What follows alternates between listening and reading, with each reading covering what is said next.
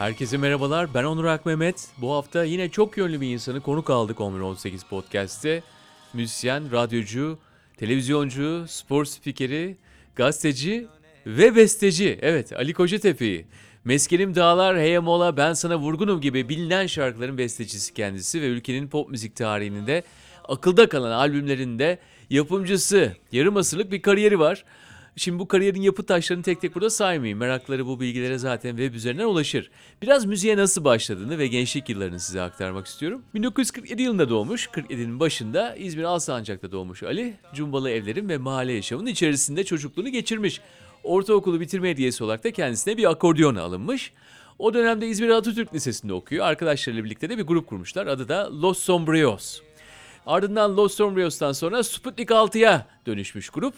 Müzikle de para kazanmaya başlamışlar. 70'li yılların başında da kurduğu ve halen devam ettirdiği müzik şirketiyle de yapımcılığa adım atmış Ali Kocatepe. Ondan sonraki 50 yılı biliyorsunuz zaten. Şimdi uzun yıllardır Ali her salı Arkadaşlarıyla yemek yiyor. Öğle yemeği yiyorlar. Sanattan, politikadan, spor, medya, iş dünyasından birçok arkadaşı var.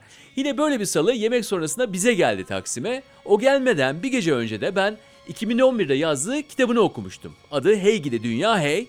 Tanıdık simalarla ve yüzlerce anıyla dolu dolu bir kitap. Ona kitapta rastladığım bazı ilginç detayları da sordum. Bir dönem yayın yönetmenliğini yaptığı, Türkiye'de Playboy dergisinin muadil de sayılan Erkekçe dergisini çıkarmanın onun için ne ifade ettiğini de sordum. Buyurun dinlemeye ediyorum. Dün gecemi seninle geçirdim yanlış anlamayacaksın ama böyle bir şey oldu. Herhalde kitaba sarılıp uyudun. evet böyle ikimiz seviştik. Julio Iglesias gibiydim yani. Sahneye çıkmadan önce sevişmeden yapamayacağım dedim.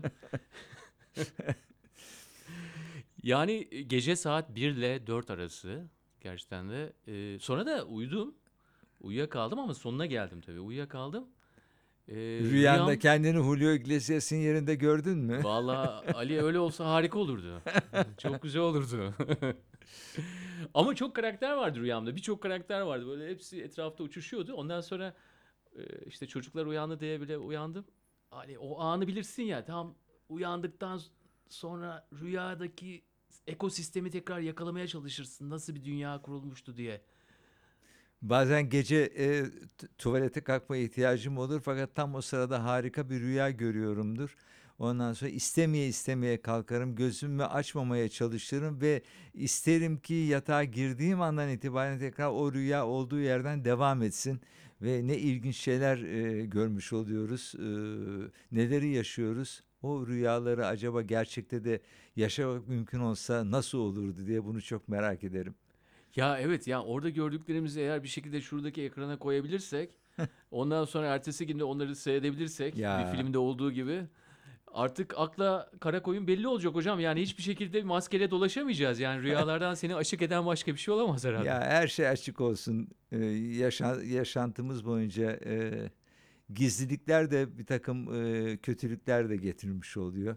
Ne kadar açık olursak, ne kadar e, berrak olursak, ne kadar özümüz de görünürse dışarıdan herhalde biz de başkaları da o nispetle mutlu oluruz. Kötülükler de daha azalır gibi geliyor bana. Öyle gerçekten ama ben sana bir şey söyleyeyim. Fikrini de merak ediyorum. Acaba sizin kuşakta bu biraz daha mı kolaydı? Bu kuşakta biraz daha mı zorlaştı? Ee, bu kuşakta her şey zorlaştı. Fakat e, bizim kuşak şöyle şanslı. Biz e, böyle yalın e, bir hayattan e, televizyonla, internetle dolu olmayan, e, sadece bir radyo dinleyebilen, e, sokakta oynamasını bilen, e, çok basit şeylerin değerini e, daha çok bile bilme şansına ulaşan bir kuşağız ve geçiş dönemlerinde bugün teknolojide geldiğimiz bütün aşamaları birer birer zorlansak da yaşadık. Ee, şimdiki çocuklara bakıyorum ya da gelecek kuşakları düşünüyorum. Bizim tanık olduğumuz şeyleri e, onlar ancak okuyacaklar. Böyle bir şey belki hiç ilgi duymayacaklar ve hiç haberleri olmayacak. Oysa bizim çok şeyden haberimiz oluyor. Geleceğe de uzanmış oluyoruz. Bu yüzden bizim kuşağın devresini ben çok şanslı bir devre olarak görüyorum. Savaşın etkilerini de savaş sonrasının etkilerini de yaşadık. Ee, milenyumun e, getirdiklerini de yaşıyoruz. Bu yüzden ben kendimizi çok şanslı görüyorum. Peki madalyanın öbür tarafından bakayım bu sefer. Diyeyim ki mesela zaman zaman kibarlık adına e, efendim e, metropollerden gelen İstanbul, İzmir, Ankara beyefendiliği, hanımefendiliği adına acaba belli bir dürüstlükten uzaklaşmada oldu mu? Yani kimseyi kırmamak olsun işte hitap tarzlarındaki e, resmilikten tut da bu böyle sizi biraz daha karikatürleştirmiyor mu? Vallahi eee, kibarlık adına eee, bir takım eee, belki çok sert çıkmamız gereken yerlerde daha yumuşak davrandığımız oluyor. Ben yarım saat önce buraya gelmeden önce eee, en son bir eee, gelen Instagram'dan gelen notlara bakarken eee, birinin bana yalaka dediğini eee, okudum. Eee, neden? Büyükşehir Belediye Başkanı ile geçen akşamki san- kültür sanat açılışında Hı. birlikte resmimiz vardı. Eşim, İmamoğlu'yla mı? Ha. İmamoğlu ile eşim, ben ve Ekrem Bey birlikte resim, resmi in- Instagram'da yayınladım. Ondan sonra tek bir cümle var. Birisi yalakalara bak filan diye bir şey demiş. Ee, ben bu tür şeylere cevap vermiyorum ama e, gene nazik bir biçimde e, şu anda hatırlamadım bir e, yanıtı yolladım kendisine. O nezaketim aslında e, sahtecilikse sahtecilik. Çünkü ben ona e, kötü bir söz söylemeyi içimden geçirdim. Fakat e, farklı bir şekilde yaklaştım. Ama e, insan Yani küfür mü etmeyi içinden küfür diledin? insan küfür etmek istiyor bazen. Arabanızı kullanırken de küfretme ihtiyacı duyuyorsunuz. Bazen en sevdiğiniz kişinin de size yaptığı bir hareket sonunda o anda bir küfürle e, içten olmasa da bir küfürle ağzınızdan e, çıkması gereken bir şey var. E, refleks olarak. Ama e, bunu yapmaktan vazgeçiyorsunuz. O da belki e, o beyefendiliğin etkisi altında yaptığımız bir şey. Ama bundan pişman değilim çünkü ne kadar e, beyefendi, hanımefendi olursak, ne kadar anlayışlı, hoşgörülü davranırsak, ne kadar e, Yunus Emre'ler, Mevlana'lar e, felsefesiyle hareket edersek, sanki dünyanın daha barış içinde, daha e, huysuzların huylu e, hareket ettiği, e, daha güzel bir ortamı yaratabileceğimiz umudu hala içimde var. Ya onu çok iyi anlıyorum ama acaba diyorum ki Ali'nin içinde kimyasal bir reaksiyon oluyor da ya bazen olur ya sen de olduğunu tahmin Oluyor. etmiyorum ama olur ya. Oluyor. Hani "Aa, ya o zaman onu dışarı atmazsa içine atarsa e, bu sistem için iyi değil ki yani adam o zaman yalaka Yüz- sana her zaman diyecekler. Yarın da diyecekler. yüz gün- Ha. katılıyorum. Çok sinirlendiğim bir olayda Ha. e, kimseye zarar vermemek için o anda mesela yalnız başıma da olsam gidiyorum e, duvara bir tane tokat atıyorum. Kapıya bir tane tokat atıyorum. O içimdeki kötü enerjiyi dışarı bir şekilde vermem lazım. Hı. Ama ben bunu e, kendime de zarar vererek yapmıyorum. Yani o an elim acıyor belki ama o kadar. Kendi yüzüme tokat atmıyorum ya da karşımda bulduğum insana bir yumruk patlatmıyorum. Yani Allah korusun e, şiddetle de e, o enerjiyi, kötü enerjiyi atmak istersiniz ama onu orada da gene e, kendi kontrolünüzde onu e, ne size ne başkasına zarar vermeyecek bir durumda e, eyleme geçirirsiniz. Böylece içinizde de bir zelzele olmasının önüne geçmiş oluyorsunuz. Fay hattı kırılıyor içinizde bir şey. Ondan sonra ama o dışarıya e, zarar vermesin, size de zarar vermesin. Onun ortak yolunu e, mantıkla kafanızı kullanarak bulmaya çalışıyorsunuz. Ama sinirlenmemek, öfkelenmemek, o an hırslanmamak mümkün değil. Yani öyle bir dünyada yaşıyoruz ki bunun aksini iddia eden e, herkes e, bence yalan söylüyor olur. Baban kızar mıydı? Çünkü bir kere şundan bahsetmişsin. Ee, bu arada yani bu özel bir soru sorayım anlamında bunu sormuyorum. Ee, nedense bir anda o imaj geldi. Ee, bir kere çok kızmış sana. Kitabını okudum tabii ki Evet. bütün gece. Oldukça taze. Ee, sen de demişsin ki yaşlanınca sen ben genç olacağım. Evet. Bak sana ya- bunun intikamını alacağım Evet. demişsin. Tabii tabii Aynen üzülmüşsün bu- sonra ama. Bu, bu lafı çok güzel hatırlıyorum. Çocuktum. Ee, istemediğim bir şey için ee, babam e, hayır e, cevabını yapıştırdı. Ne yani böyle hani bir eşya falan mı istiyorsun? Ne olduğunu Ha, hatırlamıyorum ama e, mesela onu çok kızdırdığım bir anı hatırlıyorum. E, yazlığa giderdik. Yazları çadır çardak kurardık. Ne elektrik var ne su var. E, testiyle su taşırdım. Karpit lambası yakardık. İncir altında. İzmir yakınlarında, incir altında tatilimizi geçirirdik. Yaz çok mutluydum. E, fakat arada bir tıraş olmak için babamın beni tekrar İzmir'e indirmesi gerekirdi. O da ne yani o günüm sadece gidecek. Vapura bineceğiz. E, iki saat sonra İzmir'de olacağız. Akşam da babam e, dönerken benimle beraber e, beni Bir getirmiş saç olacak. tıraşı için mi İzmir'e iniyorsun? Evet saç tıraşı Ya için baban de senin sünnetini yaptı ya. Bir saçını kesmedi. Valla sünnet başka, tıraş başka. Ee, bir, bir gün e, o günde gitmek istemiyorum. Arkadaşlarımla top oynayacağım mesela. Ee, kaçtım.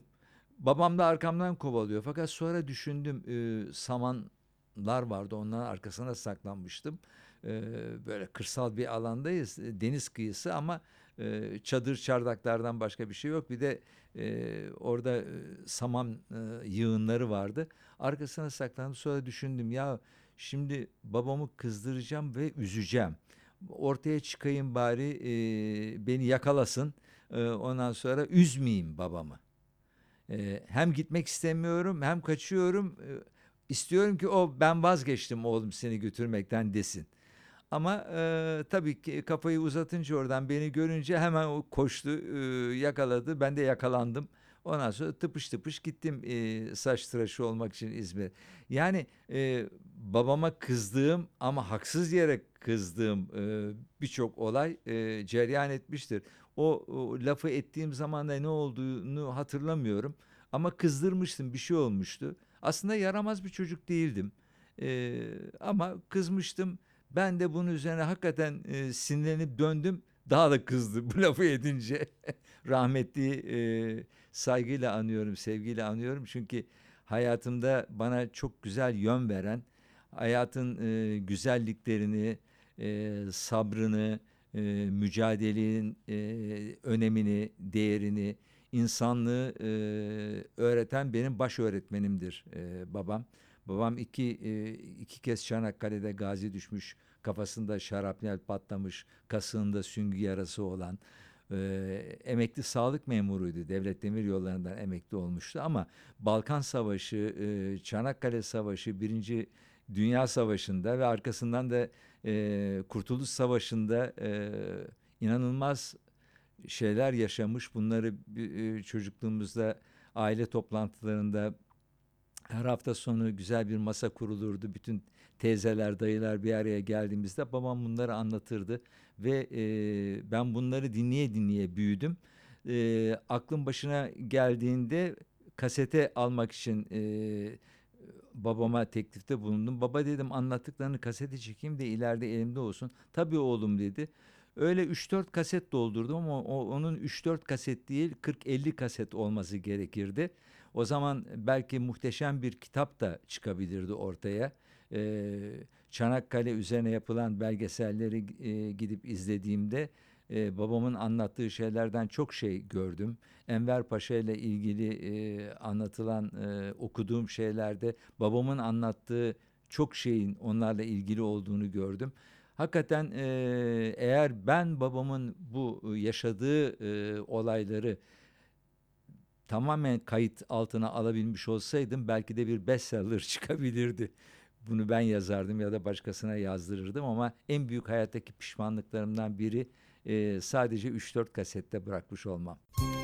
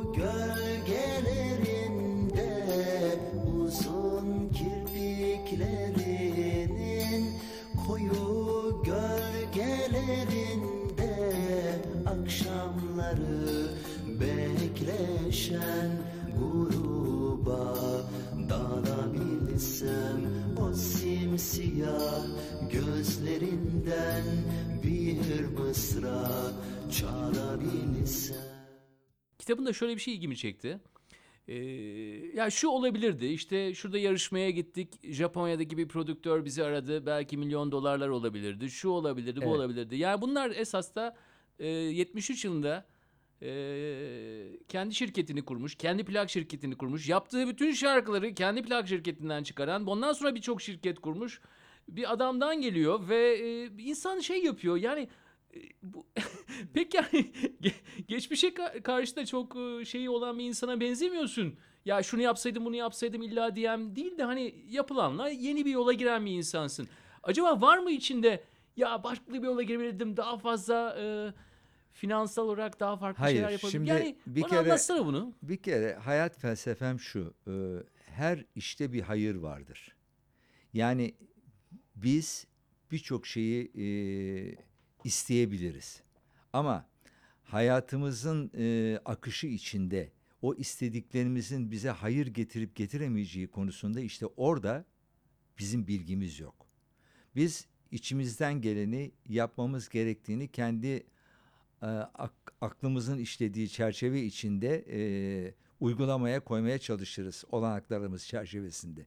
Şimdi e, ben ilk orkestramı kurduğumda e, sonra büyük bir başarısızlıkla bir yarışmada benim yüzümden biz birinciliği kaybettiğimizde orkestram dağılmamış olsaydı, e, olsaydı belki ben müzikte bu kadar e, yol alamayacaktım. Çünkü o andan itibaren yolun başka bir e, tarafa girdi. Ne hata yapmıştın Ali? E, detone oldum şarkı söylerken piyanoda şarkı İtalyanca bir şarkı söylüyordum. İnatla yeni bir şarkı Ogni Volta diye e, yeni çıkmış. Yarışmada bunu söyleyelim diye tutturdum. Orkestra şefi de benim. Ondan sonra o şarkıyı koyduk. Fakat doğru dürüst öğrenmemiştim şarkıyı. Akorlarını yanlış bastım. Şarkıyı detone söyledim. Favori bir orkestra olduğumuz halde biz yarışmayı kaybettik. Ondan sonra da e, bir organizatör geldi bizim ekipten en değerli üç arkadaşımı transfer etti ve e, başka bir orkestra kurdular. Şimdi e, Seni almadılar. Hayır be- benden e, ben, benden Seni ayırmak gruptan için. kovdular ya. Efendim Gruptan kovmuşlar yani seni bir anlamda. e, grubu boşalttılar. Gruba Gruptan Ya beni burada bile kovmadılar. burada On- bile iyimser bir şeyle onu Ama söylüyorsun öyle ya. yeni harikasın. isimle yeni bir orkestra kurdu onlar. Ee, ondan sonra ben, ben kendi o- e, orkestramın ismiyle baş başa kaldım yanında diğer iki arkadaşla. Şimdi e, örnekler Ali veriyorum. Kocatepe ve arkadaşları ya Ali Kocatepe. Evet. Hayatımda e, o kadar çok e, böyle yaşanmış olay var ki e, özel yaşamımdan e, ilk evliliğimi bitirmemiş olsam belki e, Aysun'la e, bu evliliğim belki değil hiç gerçekleşmeyecek. Ben Aysun diye birini tanımayacağım. Belki de e, o dönemden sonra geçirdiğim e, bunca mutlu yılı, üretken yılı e, yaşayamayacağım. Belki başka bir yolda olacaktım. Hiçbirini bilemiyorum. Kızım olmayacaktı. Yani kader ağlarını örüyor diyeceğim ama e, biz o yolları seçiyoruz veya biz tökezlediğimizde ya da önümüze iki tane yol e, çıktığında hangisinden gideceğimizin tercihini hayatta biz yapıyoruz. Şimdi e, belki de e, Japonya'daki olayı anlatıyorum. Yani Hı. kalkıp e, Dostluğa Davet adlı şarkımız Türkiye'de Eurovision yarışmasında birinci olsa biz Uzak Doğu'ya Seul'deki yarışmaya TRT tarafından yollanmayacaktık. Paris'e gidecektik. Paris'te Türkiye'yi Eurovision'da temsil edecektik.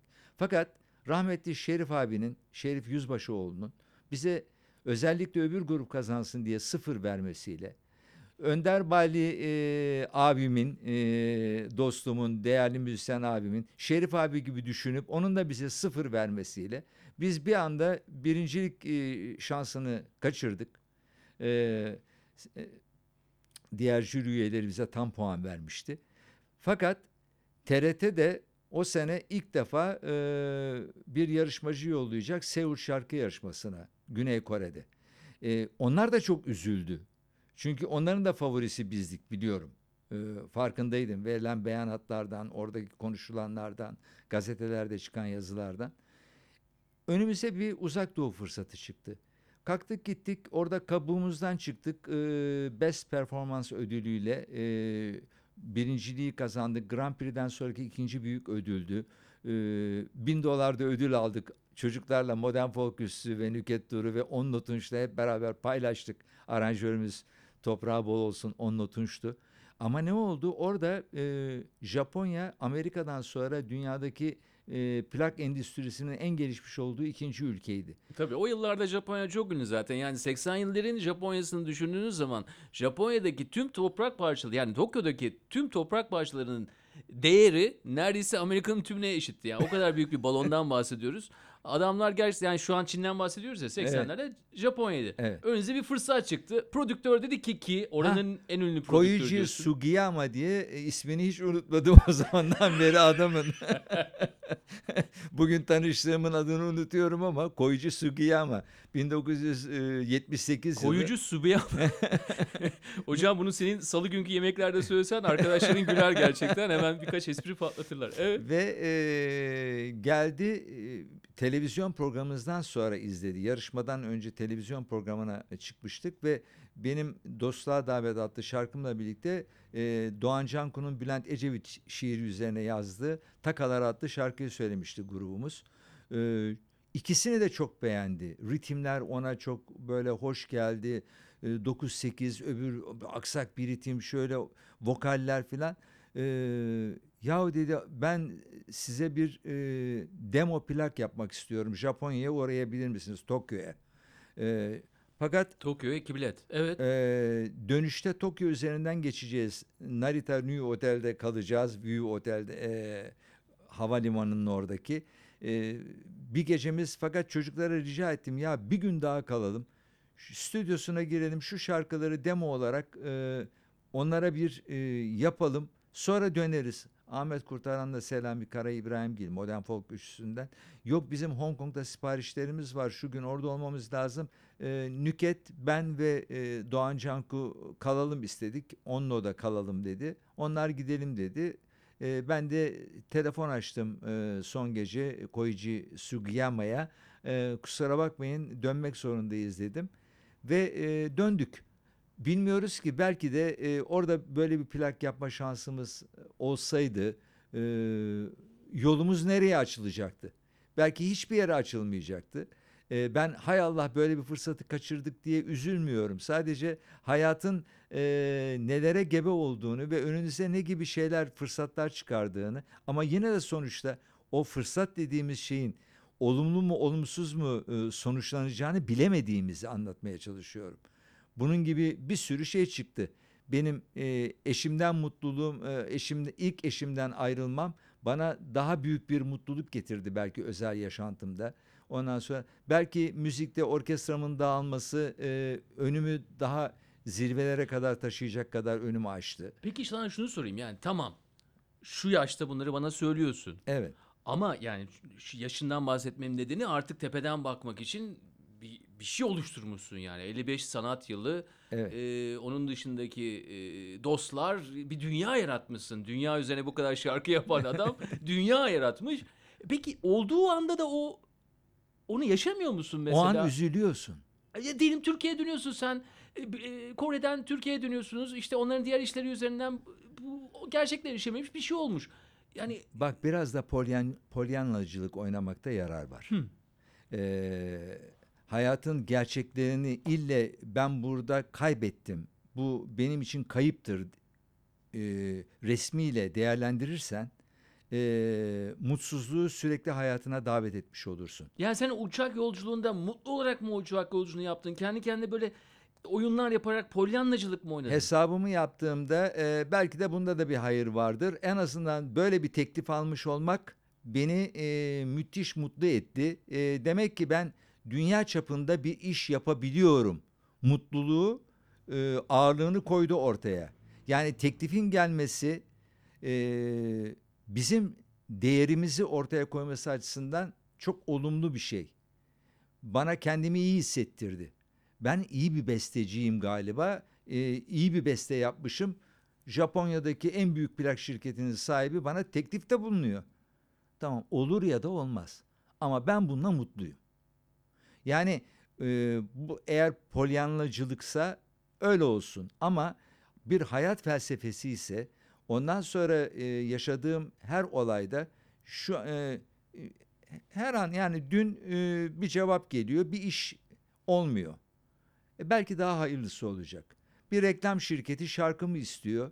E, şarkıma iyi para veriyor. Artık e, şeyden de para kazanamadığınız için doğru dürüst sahne hayatı veya plak e, CD yaparken eskisi gibi ortamlar yok. E, ancak e, reklam işlerinde falan böyle güzel bir kampanya yakalarsanız e, şarkınız orada değerlendirilirse bir de e, sizin felsefenize uyan bir reklamsa e, güzel bir teklif geliyor mesela. E, sonra birdenbire vazgeçiyorlar bir şey oluyor. E şimdi üzülmemek elde değil. Yani şu kadar bir para kazanacaktım. Bu da beni ekonomik olarak rahatlatacaktı diye düşünüyorsunuz. Fakat bakıyorsunuz 3 ay sonra 6 ay sonra bir şey olmuş. Sizin o şarkınızı çok daha iyi şartlarda başka biri istiyor ve ona kısmet oluyor. Daha önce öbür tarafı vermiş olsanız belki onun yarı yarıya fiyatına vermiş olacaktınız. Daha az para kazanacaktınız.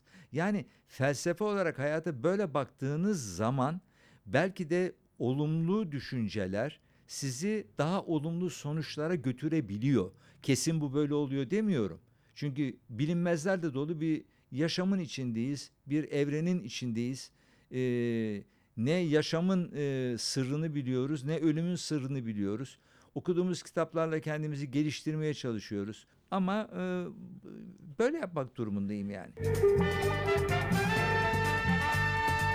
Pırıl pırıl gecelerin Sedeften dalgaları olan Ak bulutları güneşi Kapamayan yeni bir dünya istiyorum Rüzgarları Özgürlük kokan Özgürlük kokan Özgürlük kokan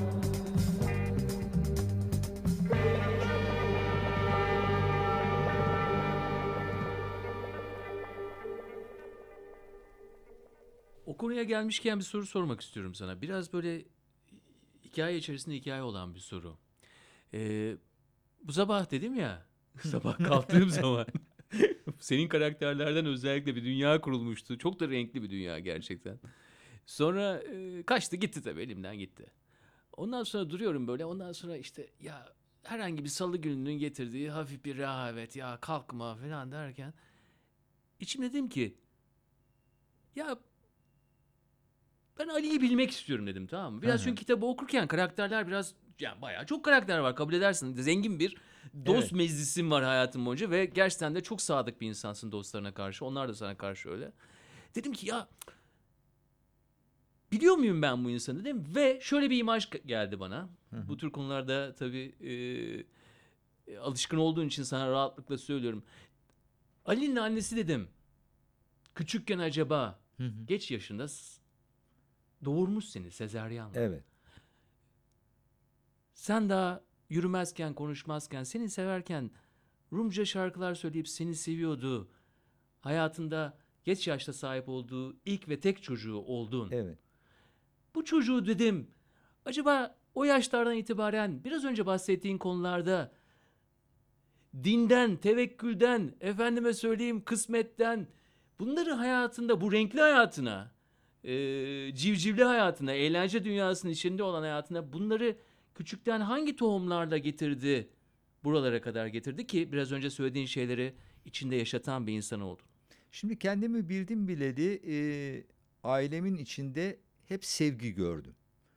E, evin tek evladı olmam nedeniyle e, bu sevgiyi en üst boyutlarda, en aşırı e, boyutlara kadar yaşadım.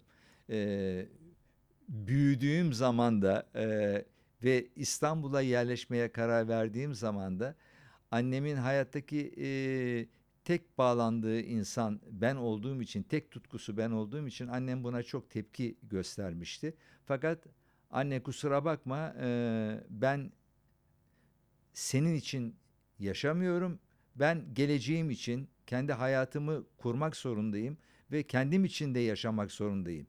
Ee, bunu tabii üzülerek annemin yüzüne söylediğimde e, bu gerçeği ona kabul ettirmek e, amacındaydım. Neticede sonuçta benim dediğim oldu. Ben İzmir'den İstanbul'a yerleştim ama annemi hiç yanıma alamadım. Hiç gelmedi. O e, e, İzmir'deki evini hiç terk etmedi ölünceye kadar. Şimdi çocuk yaşlarda e, Girit'ten 1924'te e, İzmir'e e, iltica eden, e, gelen e, o mübadelede Mübadele, evet. e, bir anne tarafım var. Dayılarım, teyzelerim. E, Ben çocuk yaşlarımda e, dayımın, teyzemin e, Bektaşi olduğunu da e, öğrendim, tanık oldum. E, dini konular e, evde hiç işlenmedi. E, babam bayram namazına giderdi. E, bayram namazlarına ben de giderdim çocukken merak ettiğim için. E, onların yaptıkları hareketleri yapar. E, eğilir kalkardım. Fakat e, ortaokulda din e, özel Türk Koleji'nde okurken din dersleri de vardı. Din derslerinde e, çok tatlı bir e, din bilgisi hocamız da vardı ve bize sureleri ve duaları ezberletmişti. Çocuk yaşta ben e, öğrendiğim, ezberlediğim 10 kadar e, sure ve duayı hayatım boyunca hiç unutmadım. Neden unutmadım? Çünkü bir inançla kendi kendime her gece yatağıma yattığım zaman ben uyumadan önce içimden bu duaları ederdim. Ve bu yüzden de bugün hala etmeye devam ediyorum. Şimdi eee, Allah'a karşı bir eee, inancım, eee, her zaman şeye karşı çıkmışımdır. Nüfus kağıdımızda eee, doğduğumuz andan itibaren e, dini ne İslam yazılır. Eee, buna karşıyımdır. Yani kişi belki 18 yaşına geldiği zaman hangi dini seçeceğine kendi karar vermeli diye düşünürüm. Eee, kendi bilinçlendikten sonra o kararı alıp eee, oraya nüfus kağıdına eğer dini eee, yazılacaksa o şekilde yazılmasını düşünürüm. Fakat eee, toplumdan besleniyorsunuz, ailenizden besleniyorsunuz. Kendiniz terazinin kefesine e, bazen çocuk kafasıyla, bazen e, ergenlik çağındaki kafanızla, daha sonra bilinçlendiğiniz, okulları bitirdiğiniz zamanki bilincinizle yerleştiriyorsunuz. Kendi özgür iradenizle bunları tartıp kararını verecek e, bireyleriz hepimiz. En büyük servetimiz hepimizin. Kimseyi kınamıyorum. Hepimize eşit şekilde verilen akıl var. Ama o aklın işlenmesi, e, o aklın gelişmesi veya o aklın e, büzüşerek e, bir torbanın içinde e, karanlıklara gömülmesi her şey e, içinde bulunduğumuz ortamla e, paralel gelişiyor gidiyor. Eğer siz özgür bir ortamda e, özgür düşüncelerin e, rüzgarda savrulduğu, uçuştuğu bir ortamda büyüyorsanız çok farklı oluyor.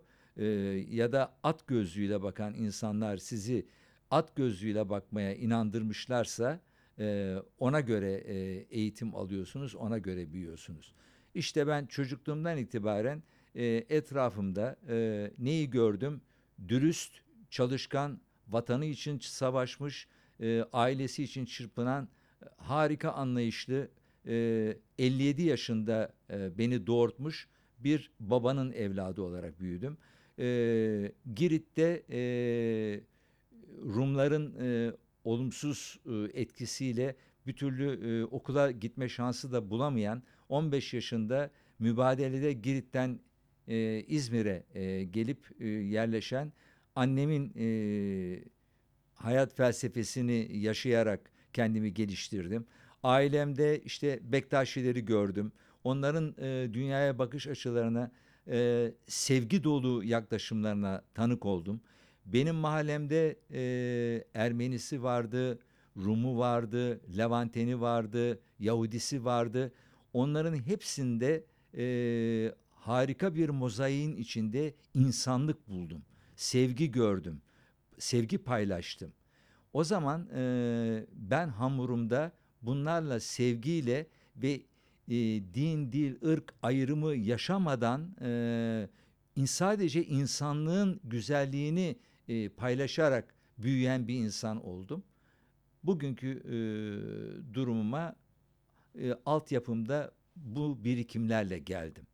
Ortaya nasıl bir insan çıkacağını artık ona dinleyenler, e, beni tanıyanlar karar versin. Valla Türkiye kararını vermez, vermiş zaten yani. Seni seviyor. Sağ olun.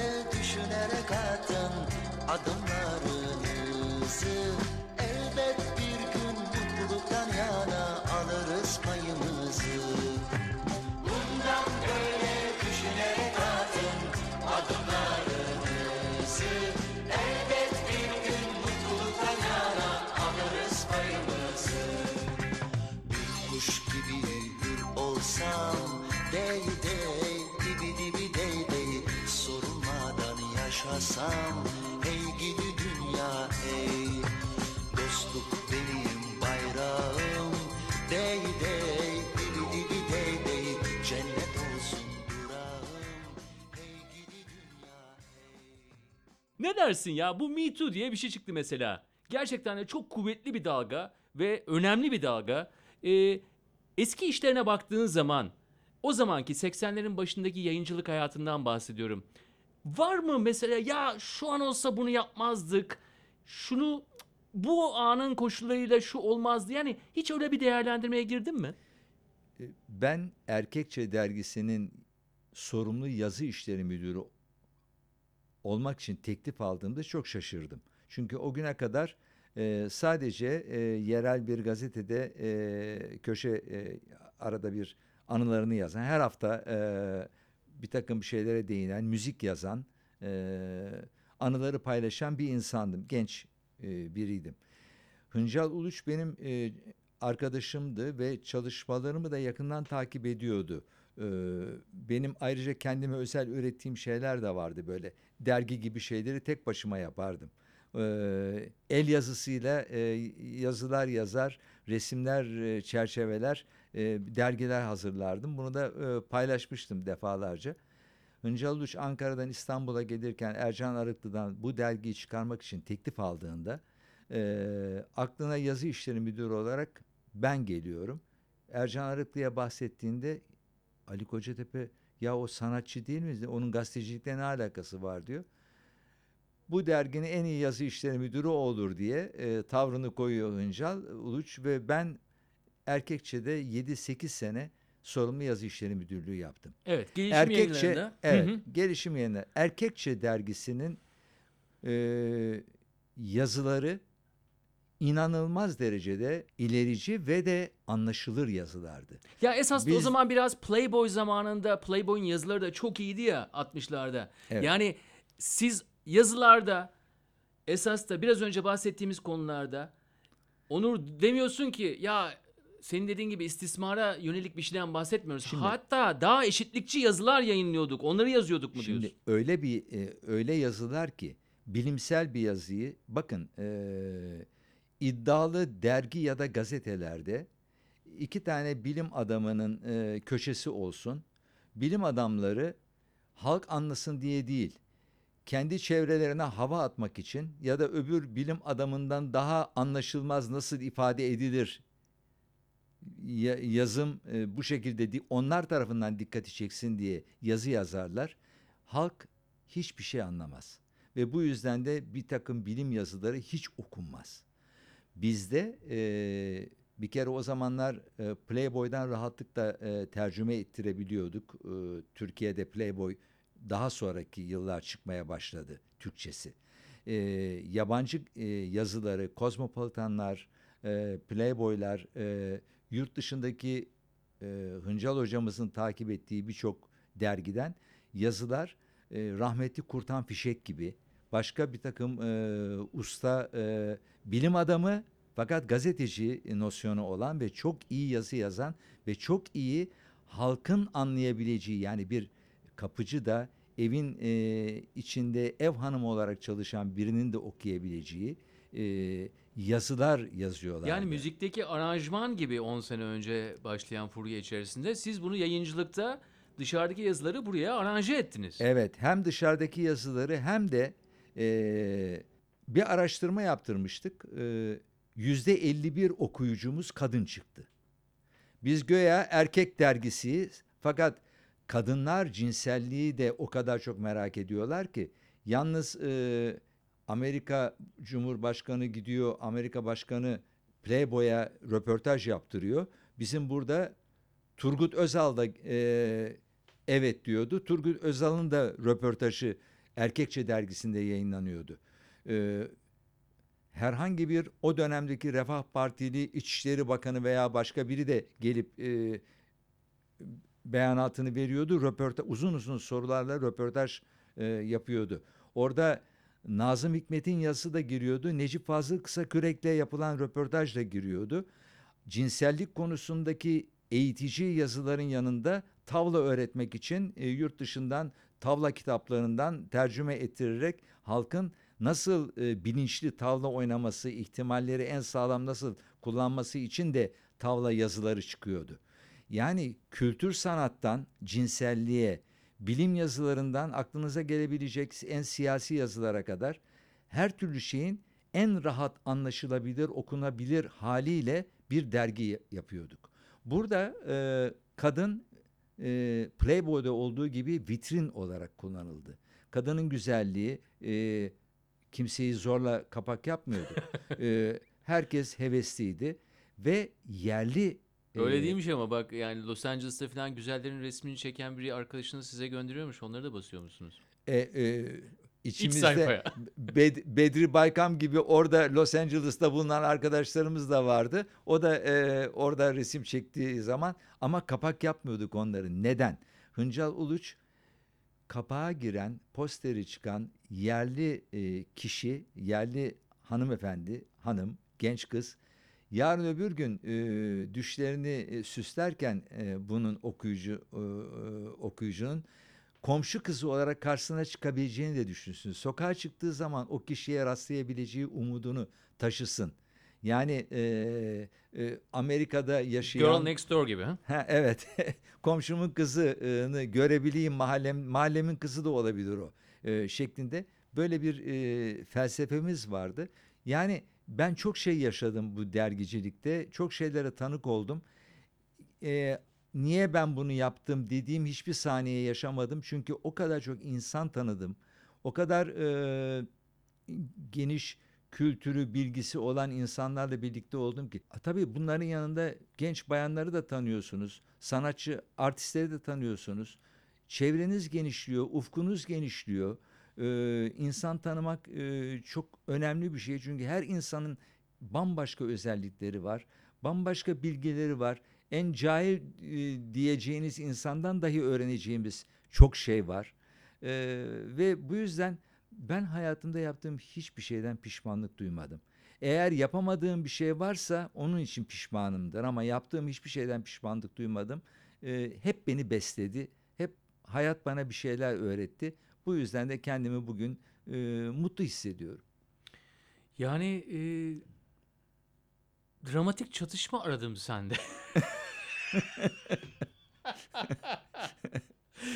Ama gelmeden bunu düşünüyordum. Ya Onur ya suni kaçacak şimdi. Yani çatışması var tabii.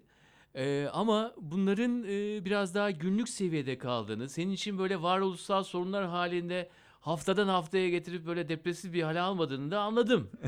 Ee, biraz önce dedin ya ben işte vururum elimi dedin, kendi elimi acıtırım yani Evet. kafamı vurmam ama elimi Evet, vururum evet. dedin.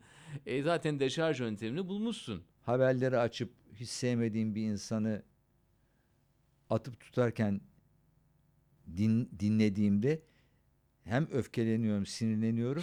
Bir taraftan da mutlaka empati yaparak onun neden böyle olduğunu, neden böyle konuştuğunu da anlamaya çalışıyorum. Bazen diyorum ki herhalde hasta. Veya bazen diyorum ki herhalde psikolojik e, rahatsızlıkları var. Bugün karısıyla kavga etti diyorum herhalde sabahleyin kalktığında.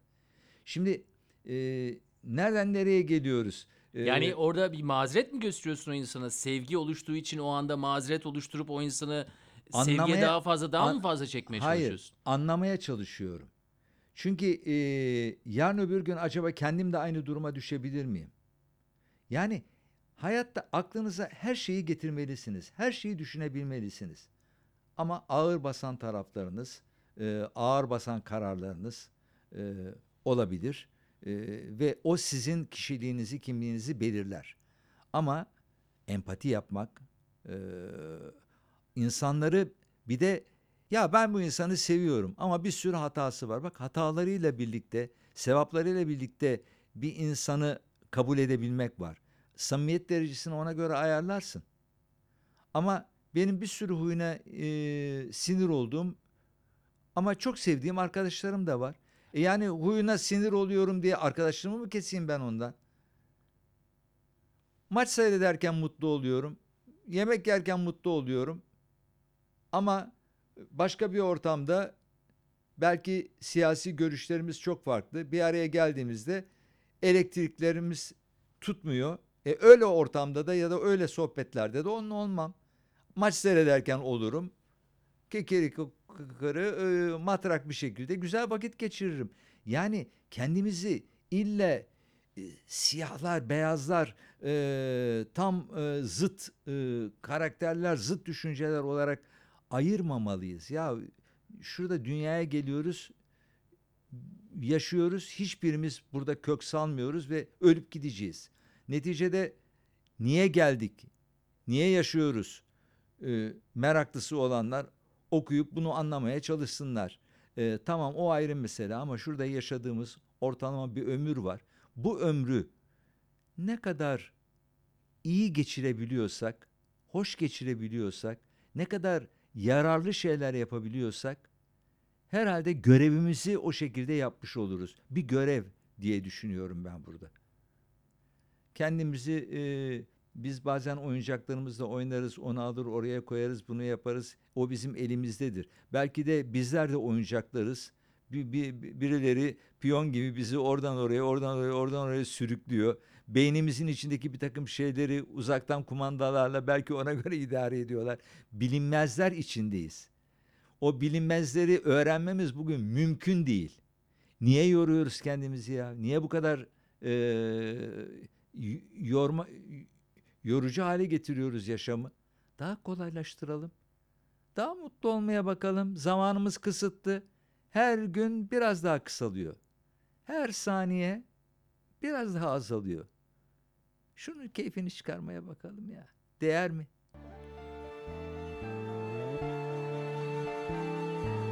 Bu memleket hepimizin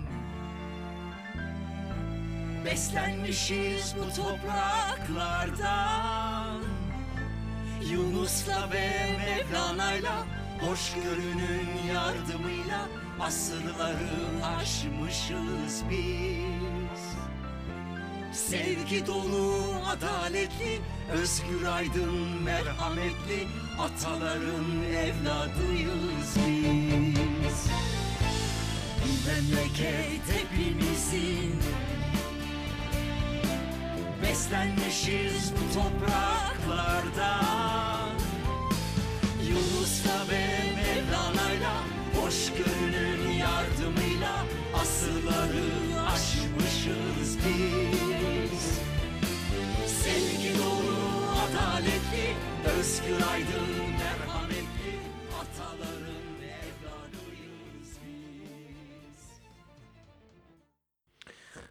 Hayalleriyle yaşayan bir insansın. Ee, geleceğe dair ne hayallerin var? Anılarla piştim şimdi demleniyorum. Kitabının ismi bu. Evet. Pek de hoşuma gitmedi ha. Söyleyeyim ben sana. Ama anılar yaşadıklarımız pişiriyor bizi. Ama 2011'de yazdın onu ya. Şu an 2019'dayız. 8 sene geçti. Evet, e, bugün Hala yazsa- pişiyorsun. pişmeye devam edeceğiz. Değil mi? Demlenmeye devam edeceğiz. Demlenmek pişmek değil. Heh, Anılarla onu- piştik. Anılarla piştik. Piştik. Şimdi demleniyoruz. Demlenme safhasındayız. Bazen çok demlenme e, çok koyu da kaçabilir. Üstüne biraz su katıp çayın demini e, koyu ve acı halden biraz daha iç, içilebilir hale getirmek de lazım. Onun için o demin içine bazen bir şeyler de katmak gerekiyor. Onu da yaşadığınız zaman içinde görüyorsunuz. Belki birkaç sene sonra yeni bir şey yazdığımda e, anılarla piştim, demlendim, şimdi falan falan bilmiyorum. Şimdi Nirvana'ya ulaştı. Televizyonda kızdıklarıma da artık kızmıyor. Ee, sabah kalktığı zaman Ali neyin hayaliyle yani Şimdi ben yani bunu yalnızca iş halinde sormak bir istemiyorum gece sana. önce Hah. yattığımda Yeni e, senin rüyandan kalktım zaten. Senin karakterlerin rüyada. Ha. ertesi gün e, ki hayallerin, ertesi gün yapmak istediklerin bir kere e, bir resmi geçit gibi gözünün önünden geçiyor. Ertesi gün Galatasaray'ın Paris Saint Germain maçı varsa Fatih Terim inşallah Belhanda'yı oynatmaz. Ondan sonra Ömer şu anda formda onu onun yerine koyar. Biz böyle düşünüyoruz diye uykuya dalmadan önce onu düşünebiliyorum. Yarın kalktığımda şöyle kendime bir iki saat ayırayım. Bilgisayardan gireyim. Daha e, yüklenmemiş şarkılar var eski prodüksiyonlar. Orchard üzerinden işte bütün e, servis yaparak bütün e, şeylere Spotify'ından iTunes'una kadar Apple'ın e, Apple'ına kadar şu şarkıları da ki insanlar mahrum kalmasın bunlardan. Çünkü bulamıyorlar. Ee, bunlar benim prodüksiyonum olan şeyler daha ekleyemedim. Yani hayatta bırakmam gereken şeyler var. Hayata biz çekip gittikten sonra da kalması gereken şeyler var. Onlar senin evinde baban 45'liğimi almış olabilir. O long play'i almış olabilir. Ama eğer dijital ortamda e, bugünün gençlerine, gelecek kuşaklara aktaramamışsak çok büyük bir kayıp içindeyiz. Ben her gün bunun telaşını yaşıyorum. Bugün sabahleyin gene girdim bir saat uğraştım.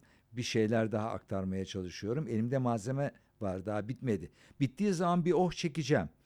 Ee, şimdi düşünüyorum e, insanlar soruyorlar e, ya yeni bir şey yok mu? Şimdi içim rahat yeni bir şey var. Yeni bir şey ürettik. Şimdi çabam o yeni bir şeyi daha geniş kitlelere duyurabilmek. E, yıllardan beri e, televizyon programı yapmak istiyorum. Açıkçası televizyon kalmadı. Yani e, böyle gönül rahatlığıyla gideceğiniz kaç tane e, ve size evet gel televizyon programı yap diyecek e, kaç televizyon var? Aysun'la birlikte yapabileceğimiz çok hoş şeyler var. Bir misafir odası programımız var. Kafamızda düşündüğümüz. Belki eee, onu hayata geçireceğiz. Onun için kimle konuşayım, kimle ne yapayım? Eee, İstanbul'da güzel bir bar, bir atmosfer, bir gece kulübü. Biz konserler veriyoruz. Allah'a bin şükür geniş kitleler de geliyor ama böyle haftada bir, 15 günde bir, hadi ayda bir İstanbul'daki 150 kişilik olsun. Eş dost ya bir yerde duymak istiyoruz sizi dinlemek istiyoruz diyorlar. Ben de anlatmak istiyorum. Sahnede anlatacaklarım var, paylaşacaklarım var.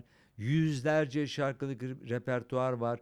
Daha onların haberleri olmayan zamanında çıkmış ama hakikaten çok hoş, çok naif bestelerim var.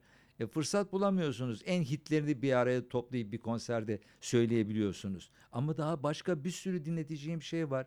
Bunları dinletmek için fırsata ihtiyacım var.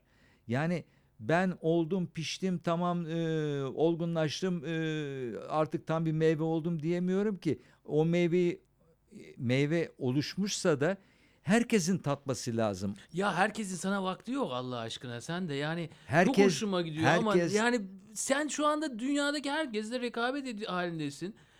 O şevkin zaten seni götüren şey değil mi? Yani onu düşünmen zaten seni. Şimdi sen dediğin zaman 150 kişilik bir yer olsun ben orada hikayelerini anlatayım, şarkılarını söyleyeyim. Ben hemen dedim ki Ya ben giderim.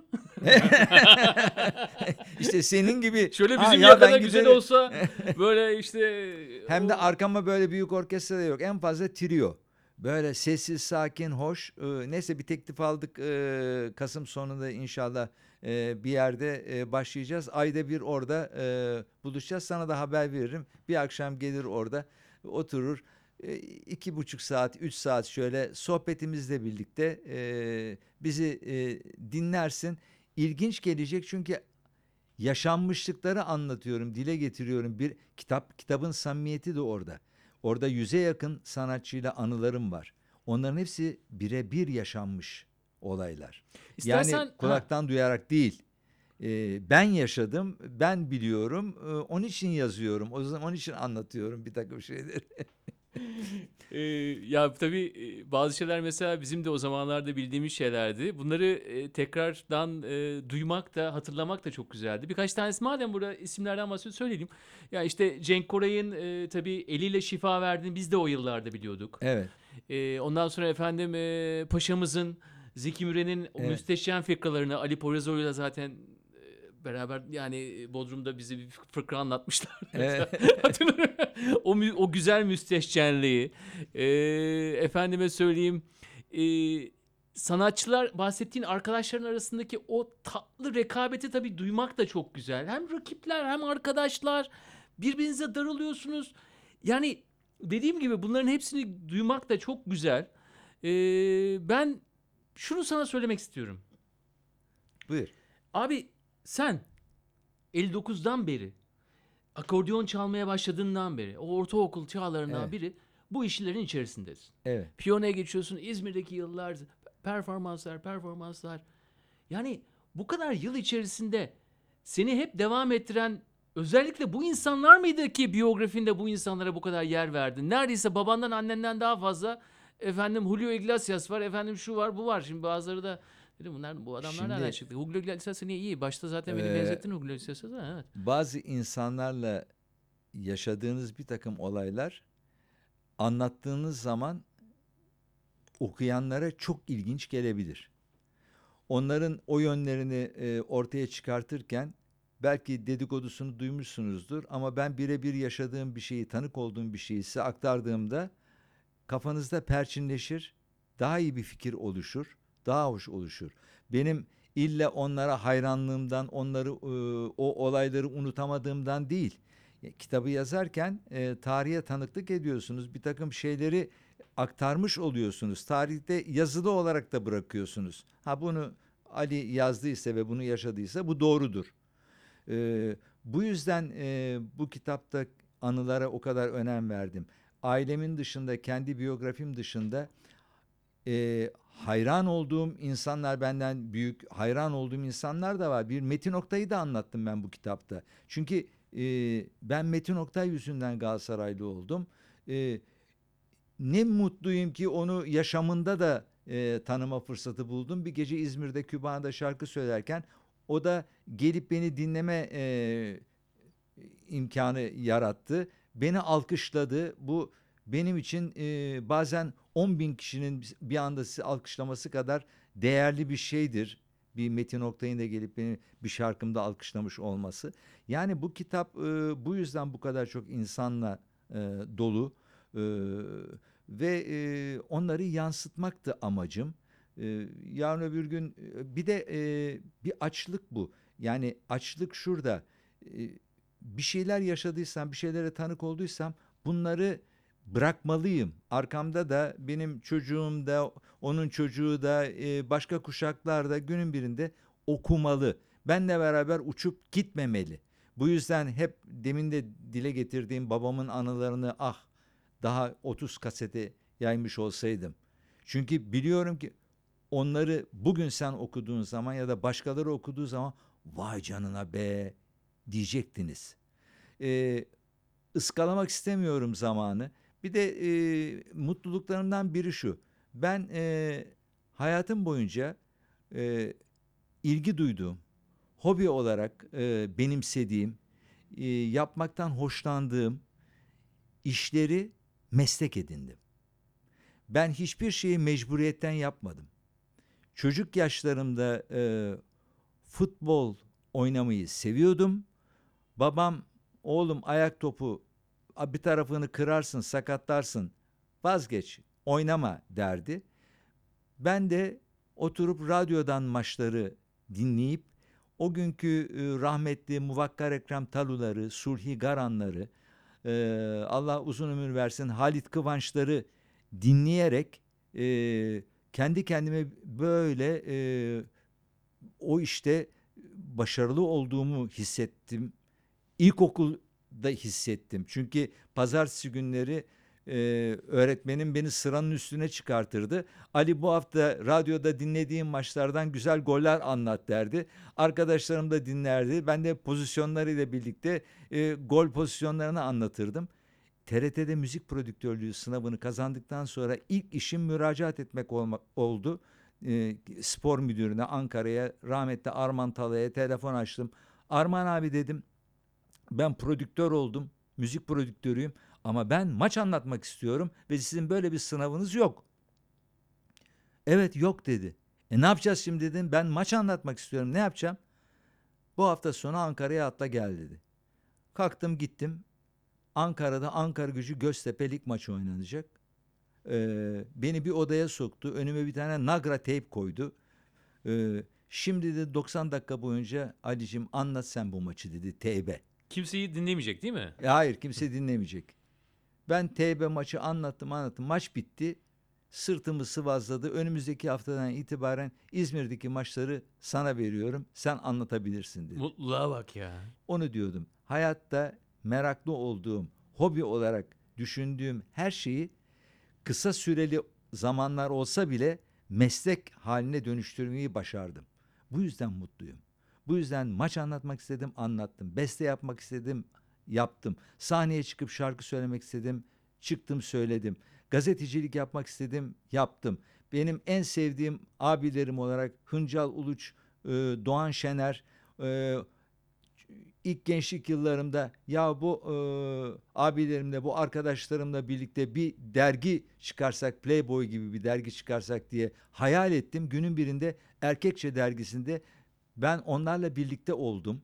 E, yani e, bunları sıraladığım zaman çok zaman almayayım. Arka arkaya çok sayıda hobimin bana hem hayatım boyunca para kazandıran, geçimimi sağlayan meslekler haline dönüştüğünü gördüm. Ee, sıkıldığım e, veya onu artık yeterli gördüğüm dönemlerde de onlardan ayrıldım, onları bıraktım. Ee, ama bugün hala hayatımda müzik var. Ali Kocatepe besteci, söz yazarı, yorumcu ve yapımcı olarak hala ekmek parasını müzikten kazanıyor. Ee, hiçbir hırsım da olmadı. Ee, açıkçası e, e, tüccarlığa pek kafası eren bir insan değilim. Bunu bütün samimiyetimle söyleyeyim.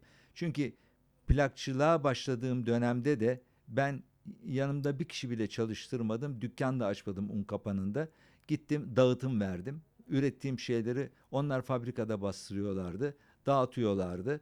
Ee, kim bilir e, bazı e, yerlerden çok kazık da yemiş olabilirim. Hiç de önemli değil. Ben idealist olarak oradan 3 kuruş kazandıysam 3 kuruşu tekrar yeni bir prodüksiyonu e, yapmak üzere e, ayırdım, harcadım ve bir prodüktör olarak da bugün eğer Türkiye'de başyapıtlar sıralanacak olursa 20 tane başyapıt sayacak olurlarsa belki içine 4-5 tane yaptığım prodüksiyon Bülent Ortaçgil'in Benimle Oynar Mısın albümünden başlayarak e, girer. Bunun e, mutluluğu, bunun onuru da bana ömrüm boyunca yeter.